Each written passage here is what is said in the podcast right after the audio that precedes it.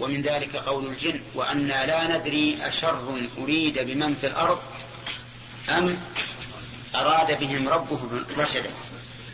لما ذكروا الشر قالوا أريد مع أن الله هو الذي يريده ولما ذكروا الخير الرشد قال أم أراد بهم ربهم. من النساء يعني الزوجات.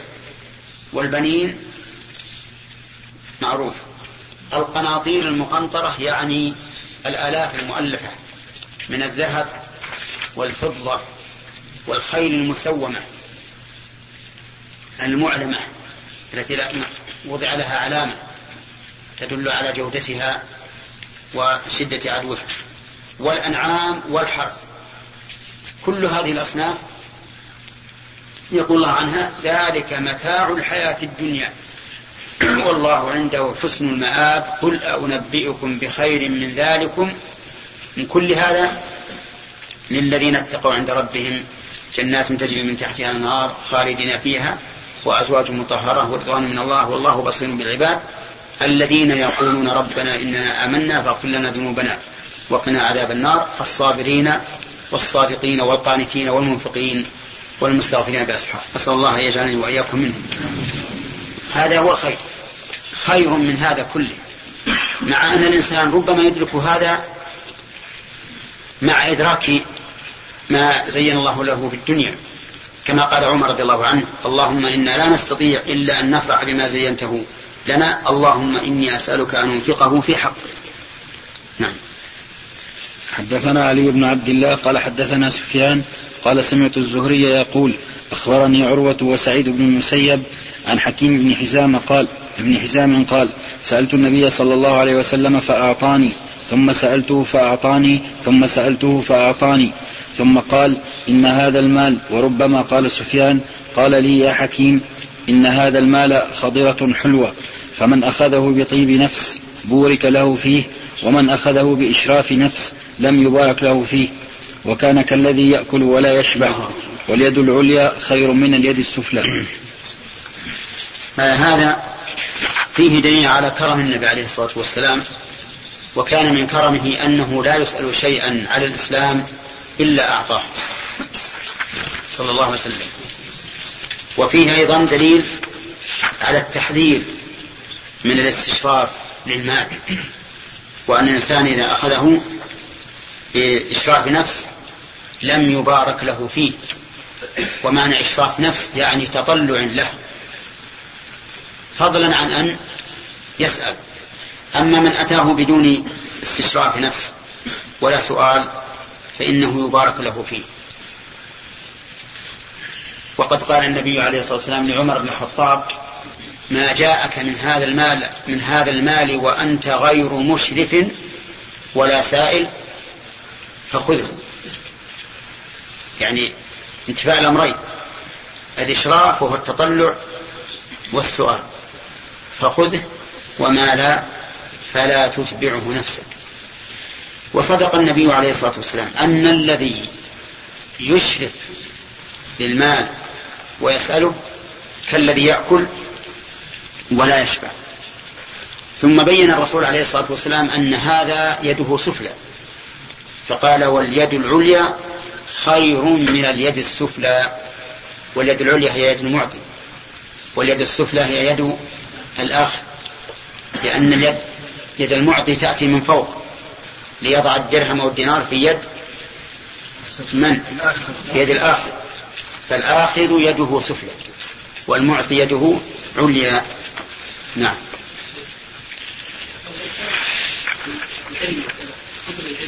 كان كتابا لا يجد له مثيلا عند اخيه هل يسأله؟ يستعيره. الاستعارة جائزة. كما استعار النبي عليه الصلاة والسلام من صفوان بن أمية. نعم. لكن أحيانا يكون محتاج لهذا الكتاب. لابد أن يكون في مكتبته إيه لا ما يجوز. كخطيب. أبد لا أسأل. لا أسأل. لا. لا لأنك ستعطي عوضا. ستعطي عوضا. وهذا أحد الطرق يا عليان التي يمكن أن تأخذ بها كتاب تقول بيعها علي نعم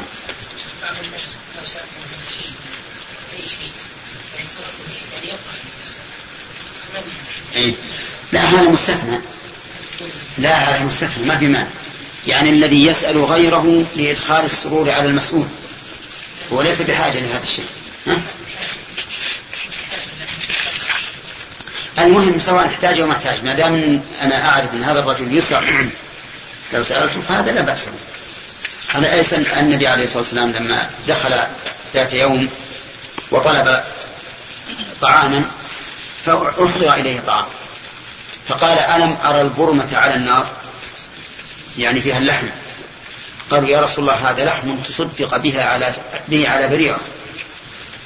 قال هو عليها صدقة ولنا هدية. ولنا هدية. فإذا كان إذا علمنا أن المسؤول يفرح ويسر صار لمصلحته لا لمصلحة السائل. نعم. باب ما قدم من ماله فهو له حدثني عمر بن حفص قال حدثني أبي قال حدثنا الأعمش قال حدثني إبراهيم التيمي عن الحارث بن سويد قال قال عبد الله قال النبي صلى الله عليه وسلم أيكم مال وارثه أحب إليه من ماله؟ قالوا يا رسول الله ما منا أحد إلا ماله أحب إليه. قال فإن ماله ما قدم ومال وارثه ما أخر. أيكم مال وارثه أحب إليه من ماله؟ وش المتبادل.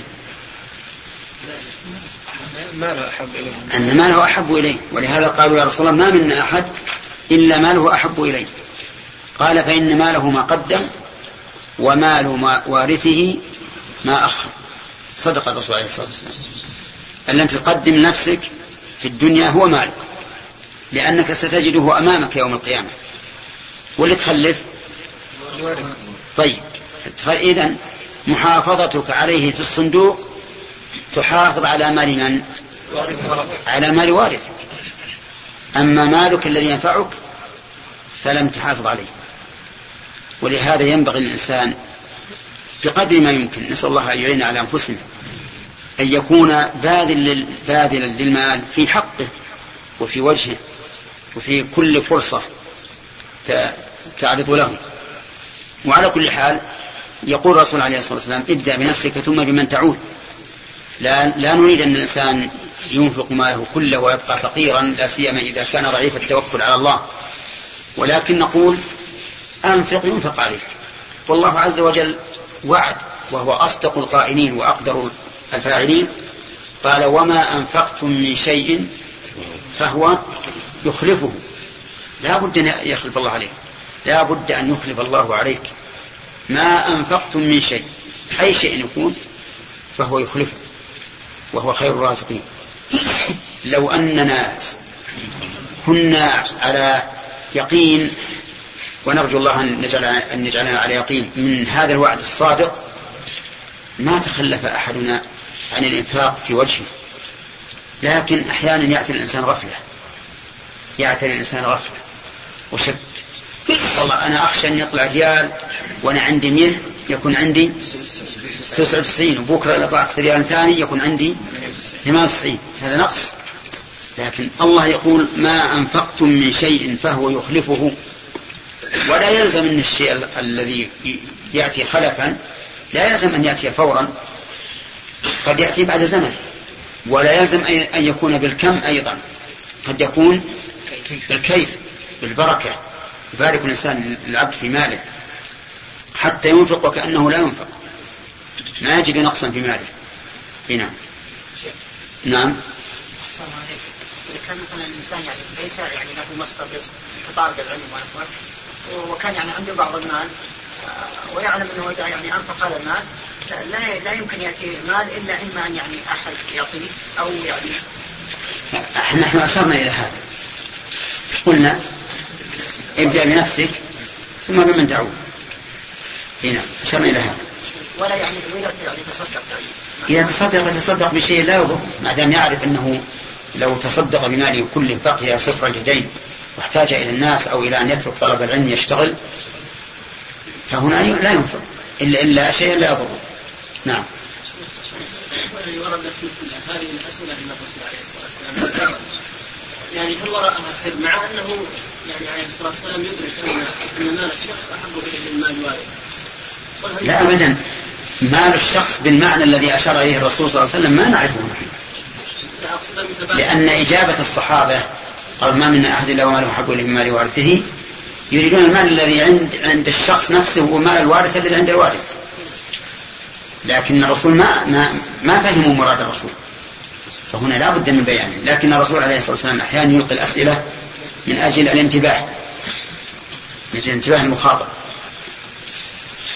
نعم. ظاهر الحديث أنه يعم حتى المتسولين. كيف؟ كيف؟ أنك توفق لمن ابتغى المال ولمن لم يبتغى لا إحنا قيدناه عدة مح... عدة مرات في كلام هذا. قلنا فيه حقه لأن بعض المتسولين يظهر عليه الكذب. يظهر عليه الكذب. فهنا قد يكون من الخير أن لا تعطيه لأنك تشجعه تشجعه على تسوله المحرم. وهنا فرق أيضا بين السؤال بين السؤال العام من المتسولين وبين السؤال الخاص. فإذا سألك سؤالا خاصا بعينك فهنا إذا أعطيته فأنت على حق. فأعطه وأنصح لأن الرسول صلى الله عليه وسلم كان لا يرد سائلا. ولأن هذا من المروءة إذا سألك شخصيا أن تعطيه ولا ترده. ما, ما دمت تقدر. لكن مع ذلك انصح انصح لما إذا رأيت أن حاله خلاف ما يظهر. نعم. طيب عندي أنا ومال وارثه. مال وارثه. عندكم بالرفع كذا؟ ولا مال مال بالرفع يجوز فيها وجهان من حيث الإعراب لأنه إذا استكملت إن اسمها وخبرها جاز في المعطوف وجهان تقول إن زيدا قائم وعمرا وتقول إن زيدا قائم وعمر. نعم. باب المكثرون هم المقلون. وقوله تعالى من كان يريد الحياة الدنيا وزينتها نوفي إليهم أعمالهم فيها وهم فيها لا يبخسون. أولئك الذين ليس لهم في الآخرة إلا النار وحبط ما صنعوا فيها وباطل ما كانوا يعملون. حدثنا قتيبة بن سعيد قال حدثنا جرير عن عبد العزيز بن رفيع عن زيد بن وهب عن أبي ذر رضي الله عنه قال خرجت ليلة من الليالي فإذا رسول الله صلى الله عليه وسلم يمشي وحده وليس معه إنسان. قال فظننت أنه يكره أن يمشي معه أحد. قال فجعلت أمشي في ظل القمر فالتفت, فالتفت فرآني فقال من هذا؟ قلت أبو, قلت أبو ذر جعلني الله فداءك. قال يا أبا ذر تعال. قال فمشيت معه ساعة فقال لي إن المكثرين هم المقلون يوم القيامة إلا من أعطاه الله خيرا فنفح فيه يمينه وشماله وبين يديه ووراءه. وعمل فيه خيرا. قال فمشيت معه ساعة فقال لي اجلس ها هنا. قال فأجلسني في قاع في قاع حوله حجارة. فقال لي اجلس ها هنا حتى أرجع إليك. قال فانطلق في الحرة حتى لا أراه فلبث عني فأطال اللبث. ثم قال إني سمعته وهو مقبل وهو مقبل. ثم إني سمعت ثم إني سمعته وهو مقبل وهو يقول وإن سرق وإن زنى قال فلما جاء لم أصبر حتى قلت يا نبي الله جعلني الله فداءك من تكلم في جانب الحرة ما سمعت أحدا يرجع إليك شيئا. قال ذلك جبريل عليه السلام عرض, عرض لي في جانب الحرة. قال بشر أمتك أنه من مات لا يشرك بالله شيئا دخل الجنة. قلت يا, جبر يا جبريل وإن سرق وإن زنى. قال نعم. قال قلت وإن سرق وإن زنى. قال نعم. قلت وإن سرق وإن زنى. قال نعم.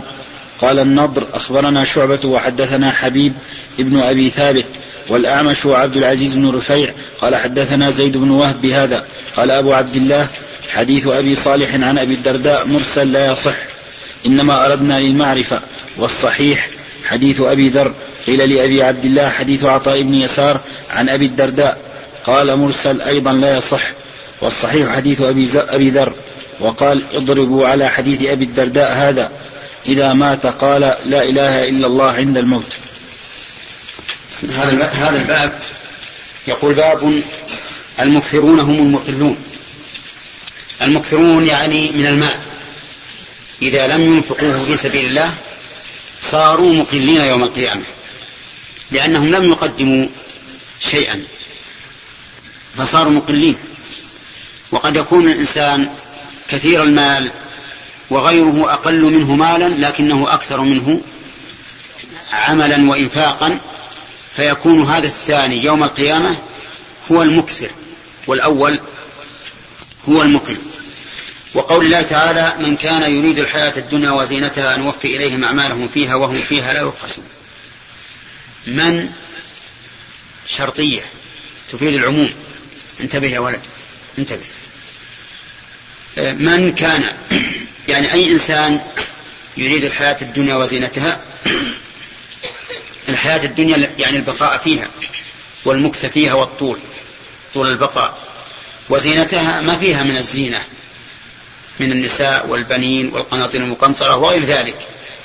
نوفي إليهم أعمالهم يعني نعطيهم إياهم نعطيهم أعمالهم فيها وافية. ويثابون على أعمالهم في في الدنيا في الدنيا. نوفي إليهم أعمالهم فيها وهم فيها لا يبخسون أولئك الذين ليس لهم في الآخرة إلا النار.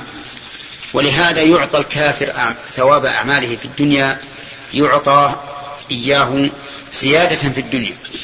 وتكون الدنيا في في حقه تكون جنة ونعيما ورفاهية. ولهذا لا تغبط الإنسان على رفاهيته اغبطه على عمله الصالح. أما الرفاهية في الدنيا فالأصل أنها لمن؟ للكفار. كما قال الله تعالى في سورة الواقعة وأصحاب الشمال ما أصحاب الشمال؟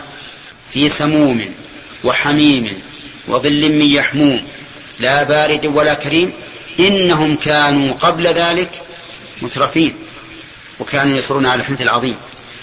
ولهذا من الشقاء والبلاء أن يسير المسلمون اليوم. إلى هذا الاتجاه المعوج المرتد عن الصراط المستقيم.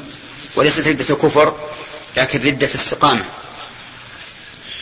بحيث يريدون من كل أمورهم أن ينالوا شرف التلف الترف. ولكنه تلف الترف. تلف. لأن الرسول عليه الصلاة والسلام بين لنا في الحديث الصحيح إذا تبايعتم بالعينة ورضيتم بالزرع وأخذتم بأذناب البقر ورضيتم بالزرع وتركتم الجهاد سلط الله عليكم ذلا لا ينزعه منكم أو قال من قلوبكم حتى ترجعوا إلى دينكم. انظر مشينا خلف الدنيا ماذا يحدث؟ إيش؟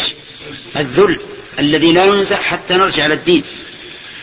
نرجع على الدين ونحرص على الدين مثل ما نحرص على الدنيا. والآن مع الأسف الشديد أن التوجيهات العامة في الصحف وغير الصحف كلها للترف والتنعيم في هذه الدنيا. وهذا لا شك أنه خطأ. لأن هذه الحياة الدنيا ليست حياة في الواقع. الحياة هي حياة الآخرة. يقول يا ليتني قدمت لحياتي وإن الحياة وإن الدار الآخرة لهي الحيوان. فهذا هو الذي ينبغي أن نعتني به ونعمل له. والله الموفق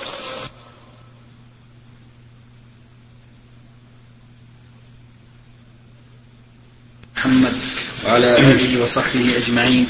قال البخاري رحمه الله تعالى باب, باب قول النبي صلى الله عليه وسلم ما يسرني أن عندي مثل أحد هذا ذهبا. حدثنا الحسن بن الربيع اشرح. آه شوف شرح ابن حجر على الكلام الذي ذكر البخاري. على هذا؟ يعني الحديث الأول. قال أبو عبد الله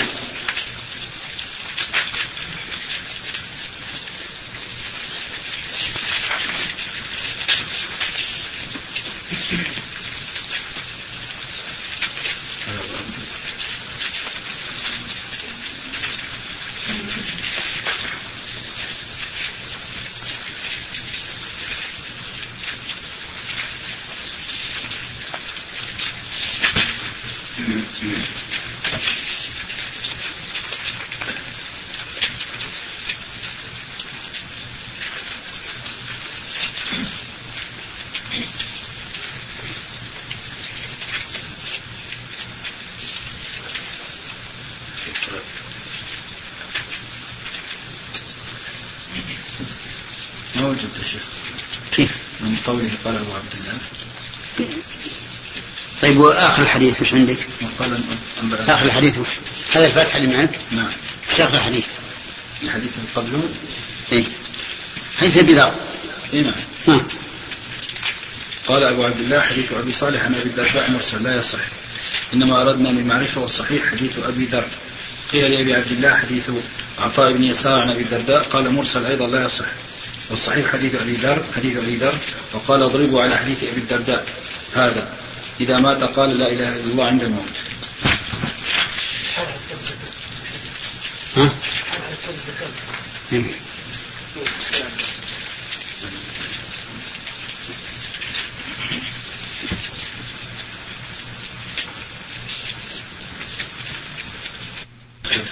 إيش تقول؟ يقول قيل لسليمان يعني الأعمش إنما روى هذا الحديث روي هذا الحديث عن أبي الدرداء فقال إنما سمعته عن أبي ذر ثم أخرجه من طريق معاذ قال حدثنا شعبة عن حبيب بن أبي ثابت وبلال والأعمش وعبد العزيز بن رف- بن رفيع. رفيع. بن رفيع. سمعوا زيد بن وهب عن أبي ذر زاد فيه راويا وهو بلال وهو ابن مرداس الفزاري. شيخ كوفي أخرج له, أخرج له أبو داود وهو صدوق لا بأس به. وقد أخرجه أبو داود الطيالسي عن شعبة عن شعبة كرواية النضر ليس فيه بلال وقد تبع الإسماعيلي على اعتراضه المذكور جماعة منهم مغلطاي ومن, ومن بعده. والجواب عن البخاري واضح على طريقة أهل الحديث لأن مراده معنا في اعتراض قبل. لأن هذه فيه فائدة عظيمة في الحديثية. وقد ظهرت فائدة قوله وهو قال من هذا ها؟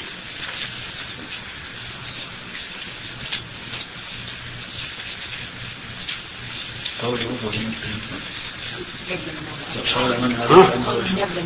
كم صفحة؟ قوله وقال النبش اي وقال النظر. هذا. طيب. قوله وقال النضر بن شميل. أنبأنا شعبة عن حبيب بن أبي ثابت والأعمش وعبد العزيز بن رفيع. قالوا حدثنا زيد بن وهب بهذا. الغرض بهذا التعليق تصريح الشيوخ الثلاثة. المذكورين بأن زيد بأن زيد بن وهب حدثهم والأولان نسبا إلى التدليس مع أنه لو ورد نسب والأولان نسبا إلى التدليس مع أنه لو ورد من رواية الشعبة بغير تصريح لأمن فيه التدليس لأنه كان لا يحدث عن شيوخه إلا بما لا تدليس فيه. وقد ظهرت فائدة ذلك في رواية جرير بن حازم عن الأعمش فإنه زاد فيه بين الأعمش وزيد بن وهب رجلا مبهما. ذكر ذلك الدارقطني في العلل فأفادت هذه الرواية المصرحة. أنه من المزيد في متصل الأسانيد. وقد اعترض الإسماعيلي على قول البخاري في هذا السند بهذا فأشار إلى رواية عبد العزيز بن ليش من المزيد في متصل الأسانيد؟ لأن الشعبة حد صرح بالتحديث. قال حدثنا الحبيب وهذه مرت عليكم في المصطلح بأنه مثلا إذا روي الحديث بسندين وذكر المحدث أن فلانا حدثه وصار السند الآخر فيه بين فلان والذي حدثه رجل زائد يسمونه المزيد في متصل الأسانيد.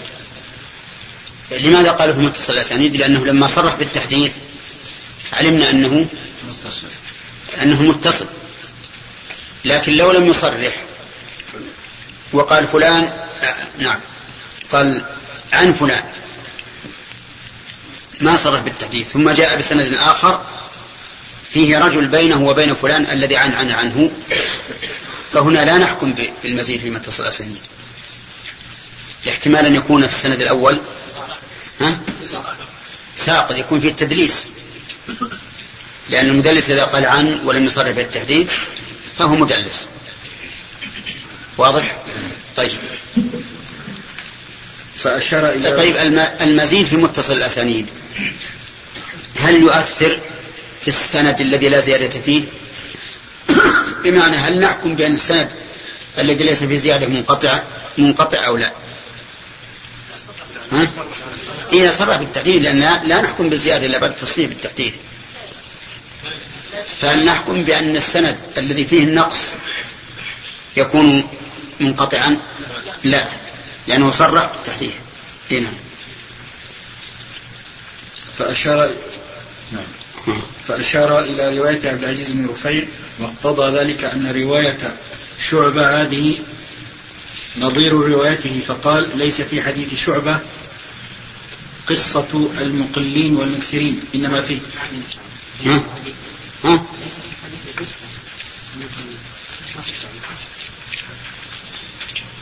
ليس في حديث شعبة قصة المقلين والمكثرين إنما فيه قصة من مات لا يشرك بالله شيء لا يشرك بالله.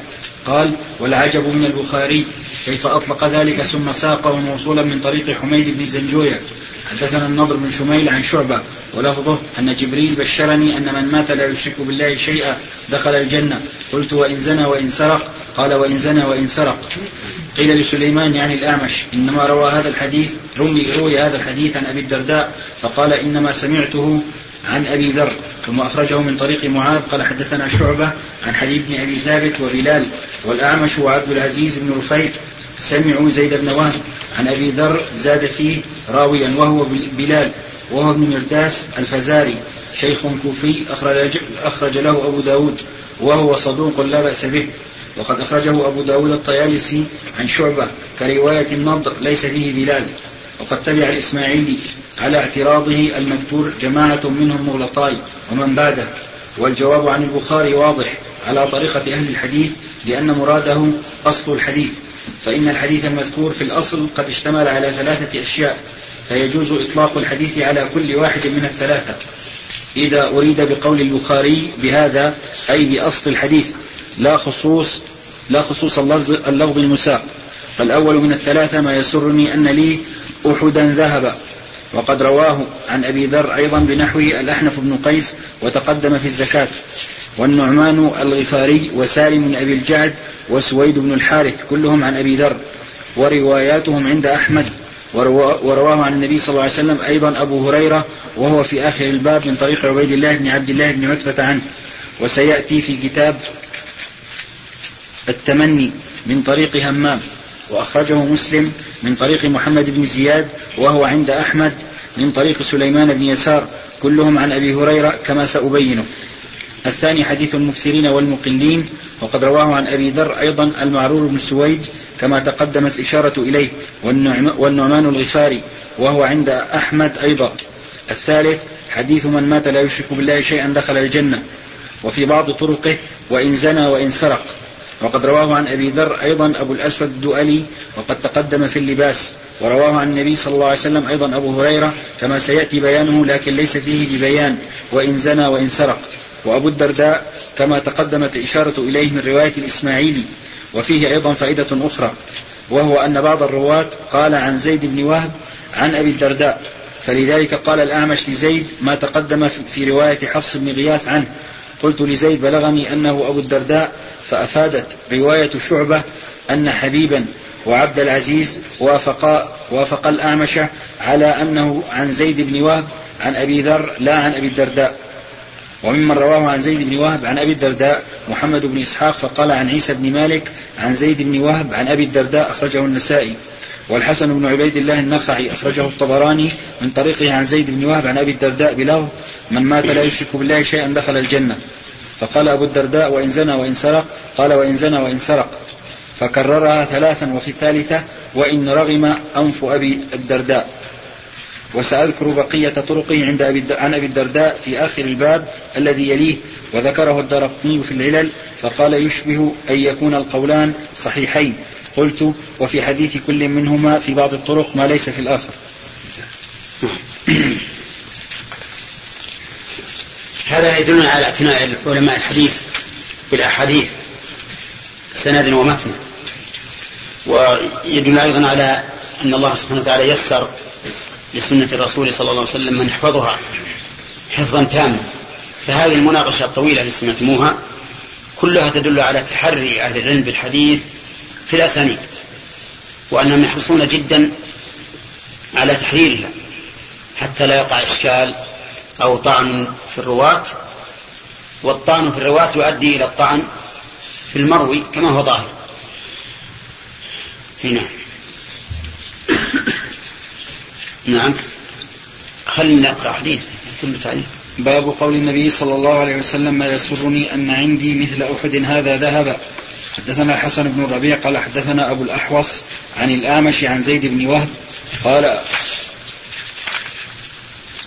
قال أبو ذر كنت أمشي مع النبي صلى الله عليه وسلم في حرة المدينة فاستقبلنا أحد فقال يا أبا ذر قلت لبيك يا رسول الله قال ما يسرني أن عندي مثل أحد هذا ذهبا تمضي علي ثالثة وعندي منه دينار إلا شيئا أرصده لدين إلا أن أقول به في عباد الله هكذا وهكذا وهكذا عن يمينه وعن شماله ومن خلفه. ثم مشى ثم قال إن الأكثرين هم المقلون يوم القيامة إلا من قال هكذا وهكذا وهكذا عن يمينه وعن شماله ومن خلفه وقليل ما هم. ثم قال لي مكانك لا تبرح حتى آتيك ثم انطلق في لا تبرح حتى آتيك. ثم انطلق. على الجومية ها؟ صحيح؟ يعني حتى من نواصب الفعل المضارع. نعم. ثم انطلق في سواد الليل حتى توارى. فسمعت صوتا قد ارتفع فتخوفت أن يكون أحد عرض للنبي صلى الله عليه وسلم فأردت أن آتيه فذكرت قوله لي لا تبرح حتى آتيك. فلم أبرح حتى أتاني قلت يا رسول الله لقد سمعت صوتا تخوفت فذكرت له فقال وهل سمعته؟ قلت نعم. قال ذاك جبريل أتاني فقال من مات من أمتك لا يشرك بالله شيئا دخل الجنة. قلت وإن زنى وإن سرق؟ قال وإن زنى وإن سرق. نعم. لا عندنا من أمتك. إيه. نعم. لأن عندنا فذكرت. وهو أحسن. حدثنا أحمد بن شبيب قال حدثنا أبي عن يونس وقال الليث حدثني يونس عن ابن شهاب عن عبيد الله بن عبد الله بن عتبة قال أبو هريرة رضي الله عنه قال رسول الله صلى الله عليه وسلم لو كان لي مثل أحد ذهبا ما يسرني ألا تمر علي ثلاث ثلاث ليال وعندي منه شيء إلا شيئا أرصده لدين. نعم. لسرني إيش؟ لسرني يسرني نعم وماذا قال؟ يسرني. ما يسرني. ما لو يسرني. كان لي مثل أحد ذهبا لسرني. ألا تمر؟ باللام قبل السين ها؟ باللام قبل السين كيف؟ يقول لسرني باللام قبل السين اي نعم. هي عندها كذا. ما يسرني. وش بقى؟ أن تمر ولا ألا تمر؟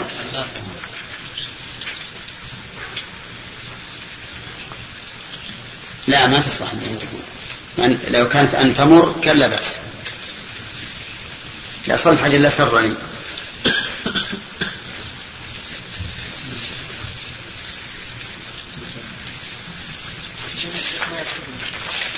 لا أقول حطوها لسرني ألا تمر. لأنه لو كانت ما يسرني للازم أن تكون ما يسرني أن تمر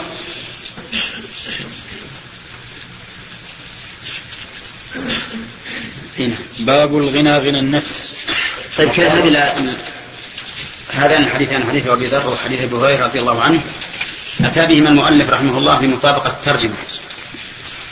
وهي قول النبي عليه الصلاة والسلام ما أحب أنني مثل أحد ذهبا.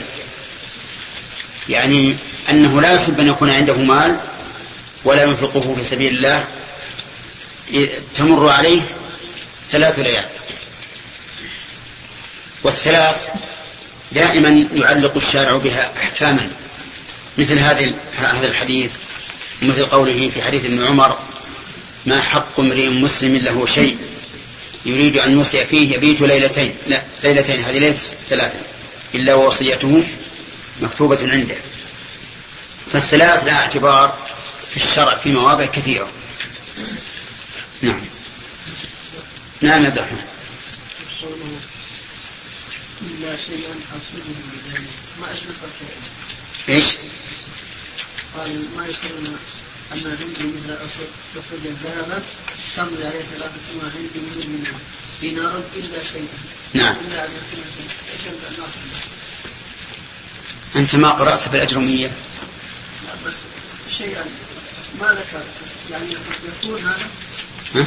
إلا أن يكون شيئا؟ لا. هذه يجوز فيها الوجهان لأنها تأمن منفي. أن لا تمر علي ثلاث ليال وعندي منه شيء.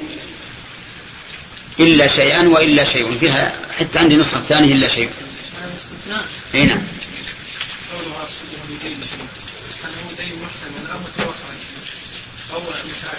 يعني واقع أو متوقع. يحتمل هذا. يحتمل أنه كان ذاك الساعة عنده عليه دين ويحتمل أنه ليس عليه دين لكن يقول الواقع أنه لو كان عندي شيء ما أحببت أن يبقى عندي فوق ثلاث إلا ما أرسله للدين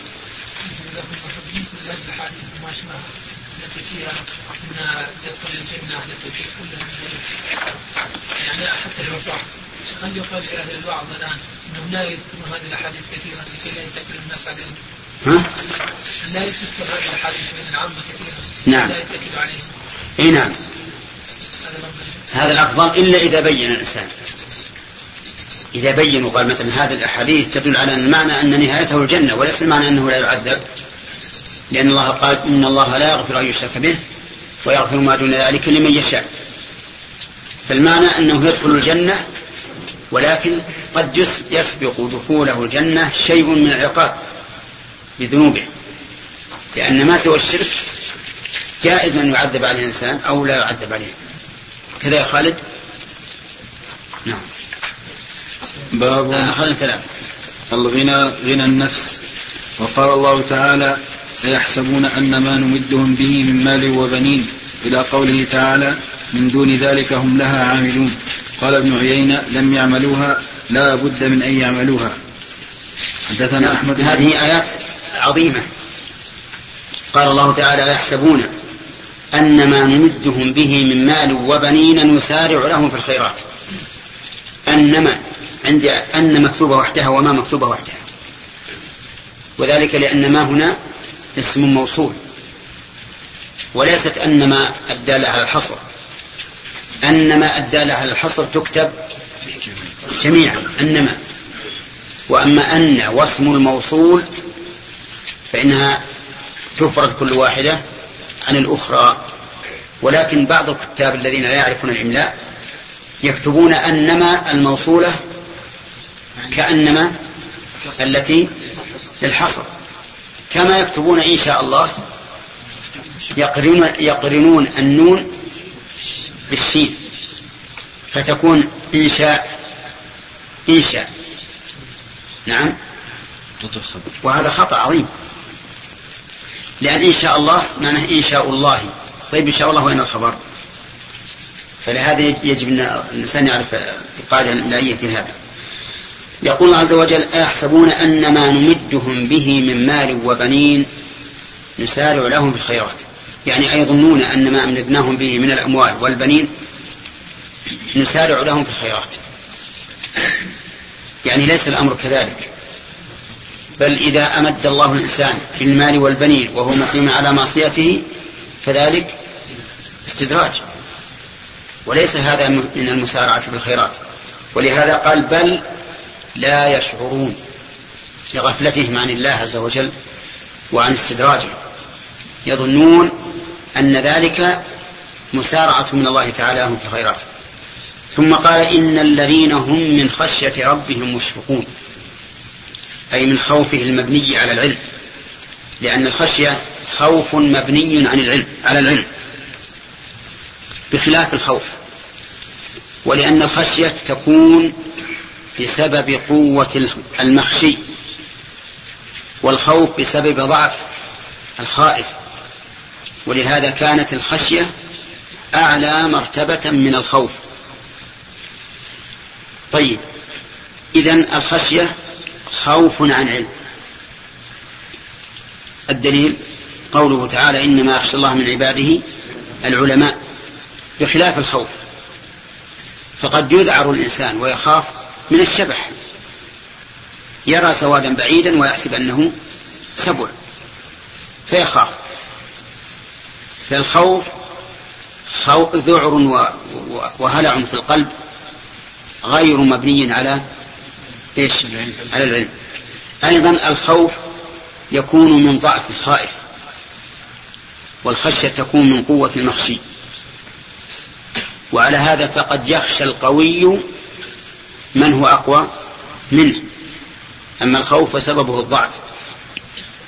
يقول عز وجل إن الذين هم من خشية ربهم مشفقون أي خائفون على أنفسهم. كما قال تعالى في سورة الطور إنا كنا من قبل ندعوه إنا كنا من قبل. لا قبله.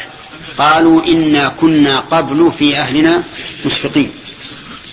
طيب. إن الذين هم من خشية ربهم مشفقون والذين هم بآيات ربهم يؤمنون بالآيات الكونية والآيات الشرعية. الآيات الكونية يؤمنون بأن الله وحده هو الذي خلقها وهو الذي يدبرها ويسخرها. والآيات الشرعية يؤمنون بها ويدعنون لها ويقبلونها. والذين هم بربهم لا يشركون. لا يشركون في ربوبيته ولا ألوهيته ولا أسمائه وصفاته. والذين يؤتون ما آتوا وقلوبهم وجلة.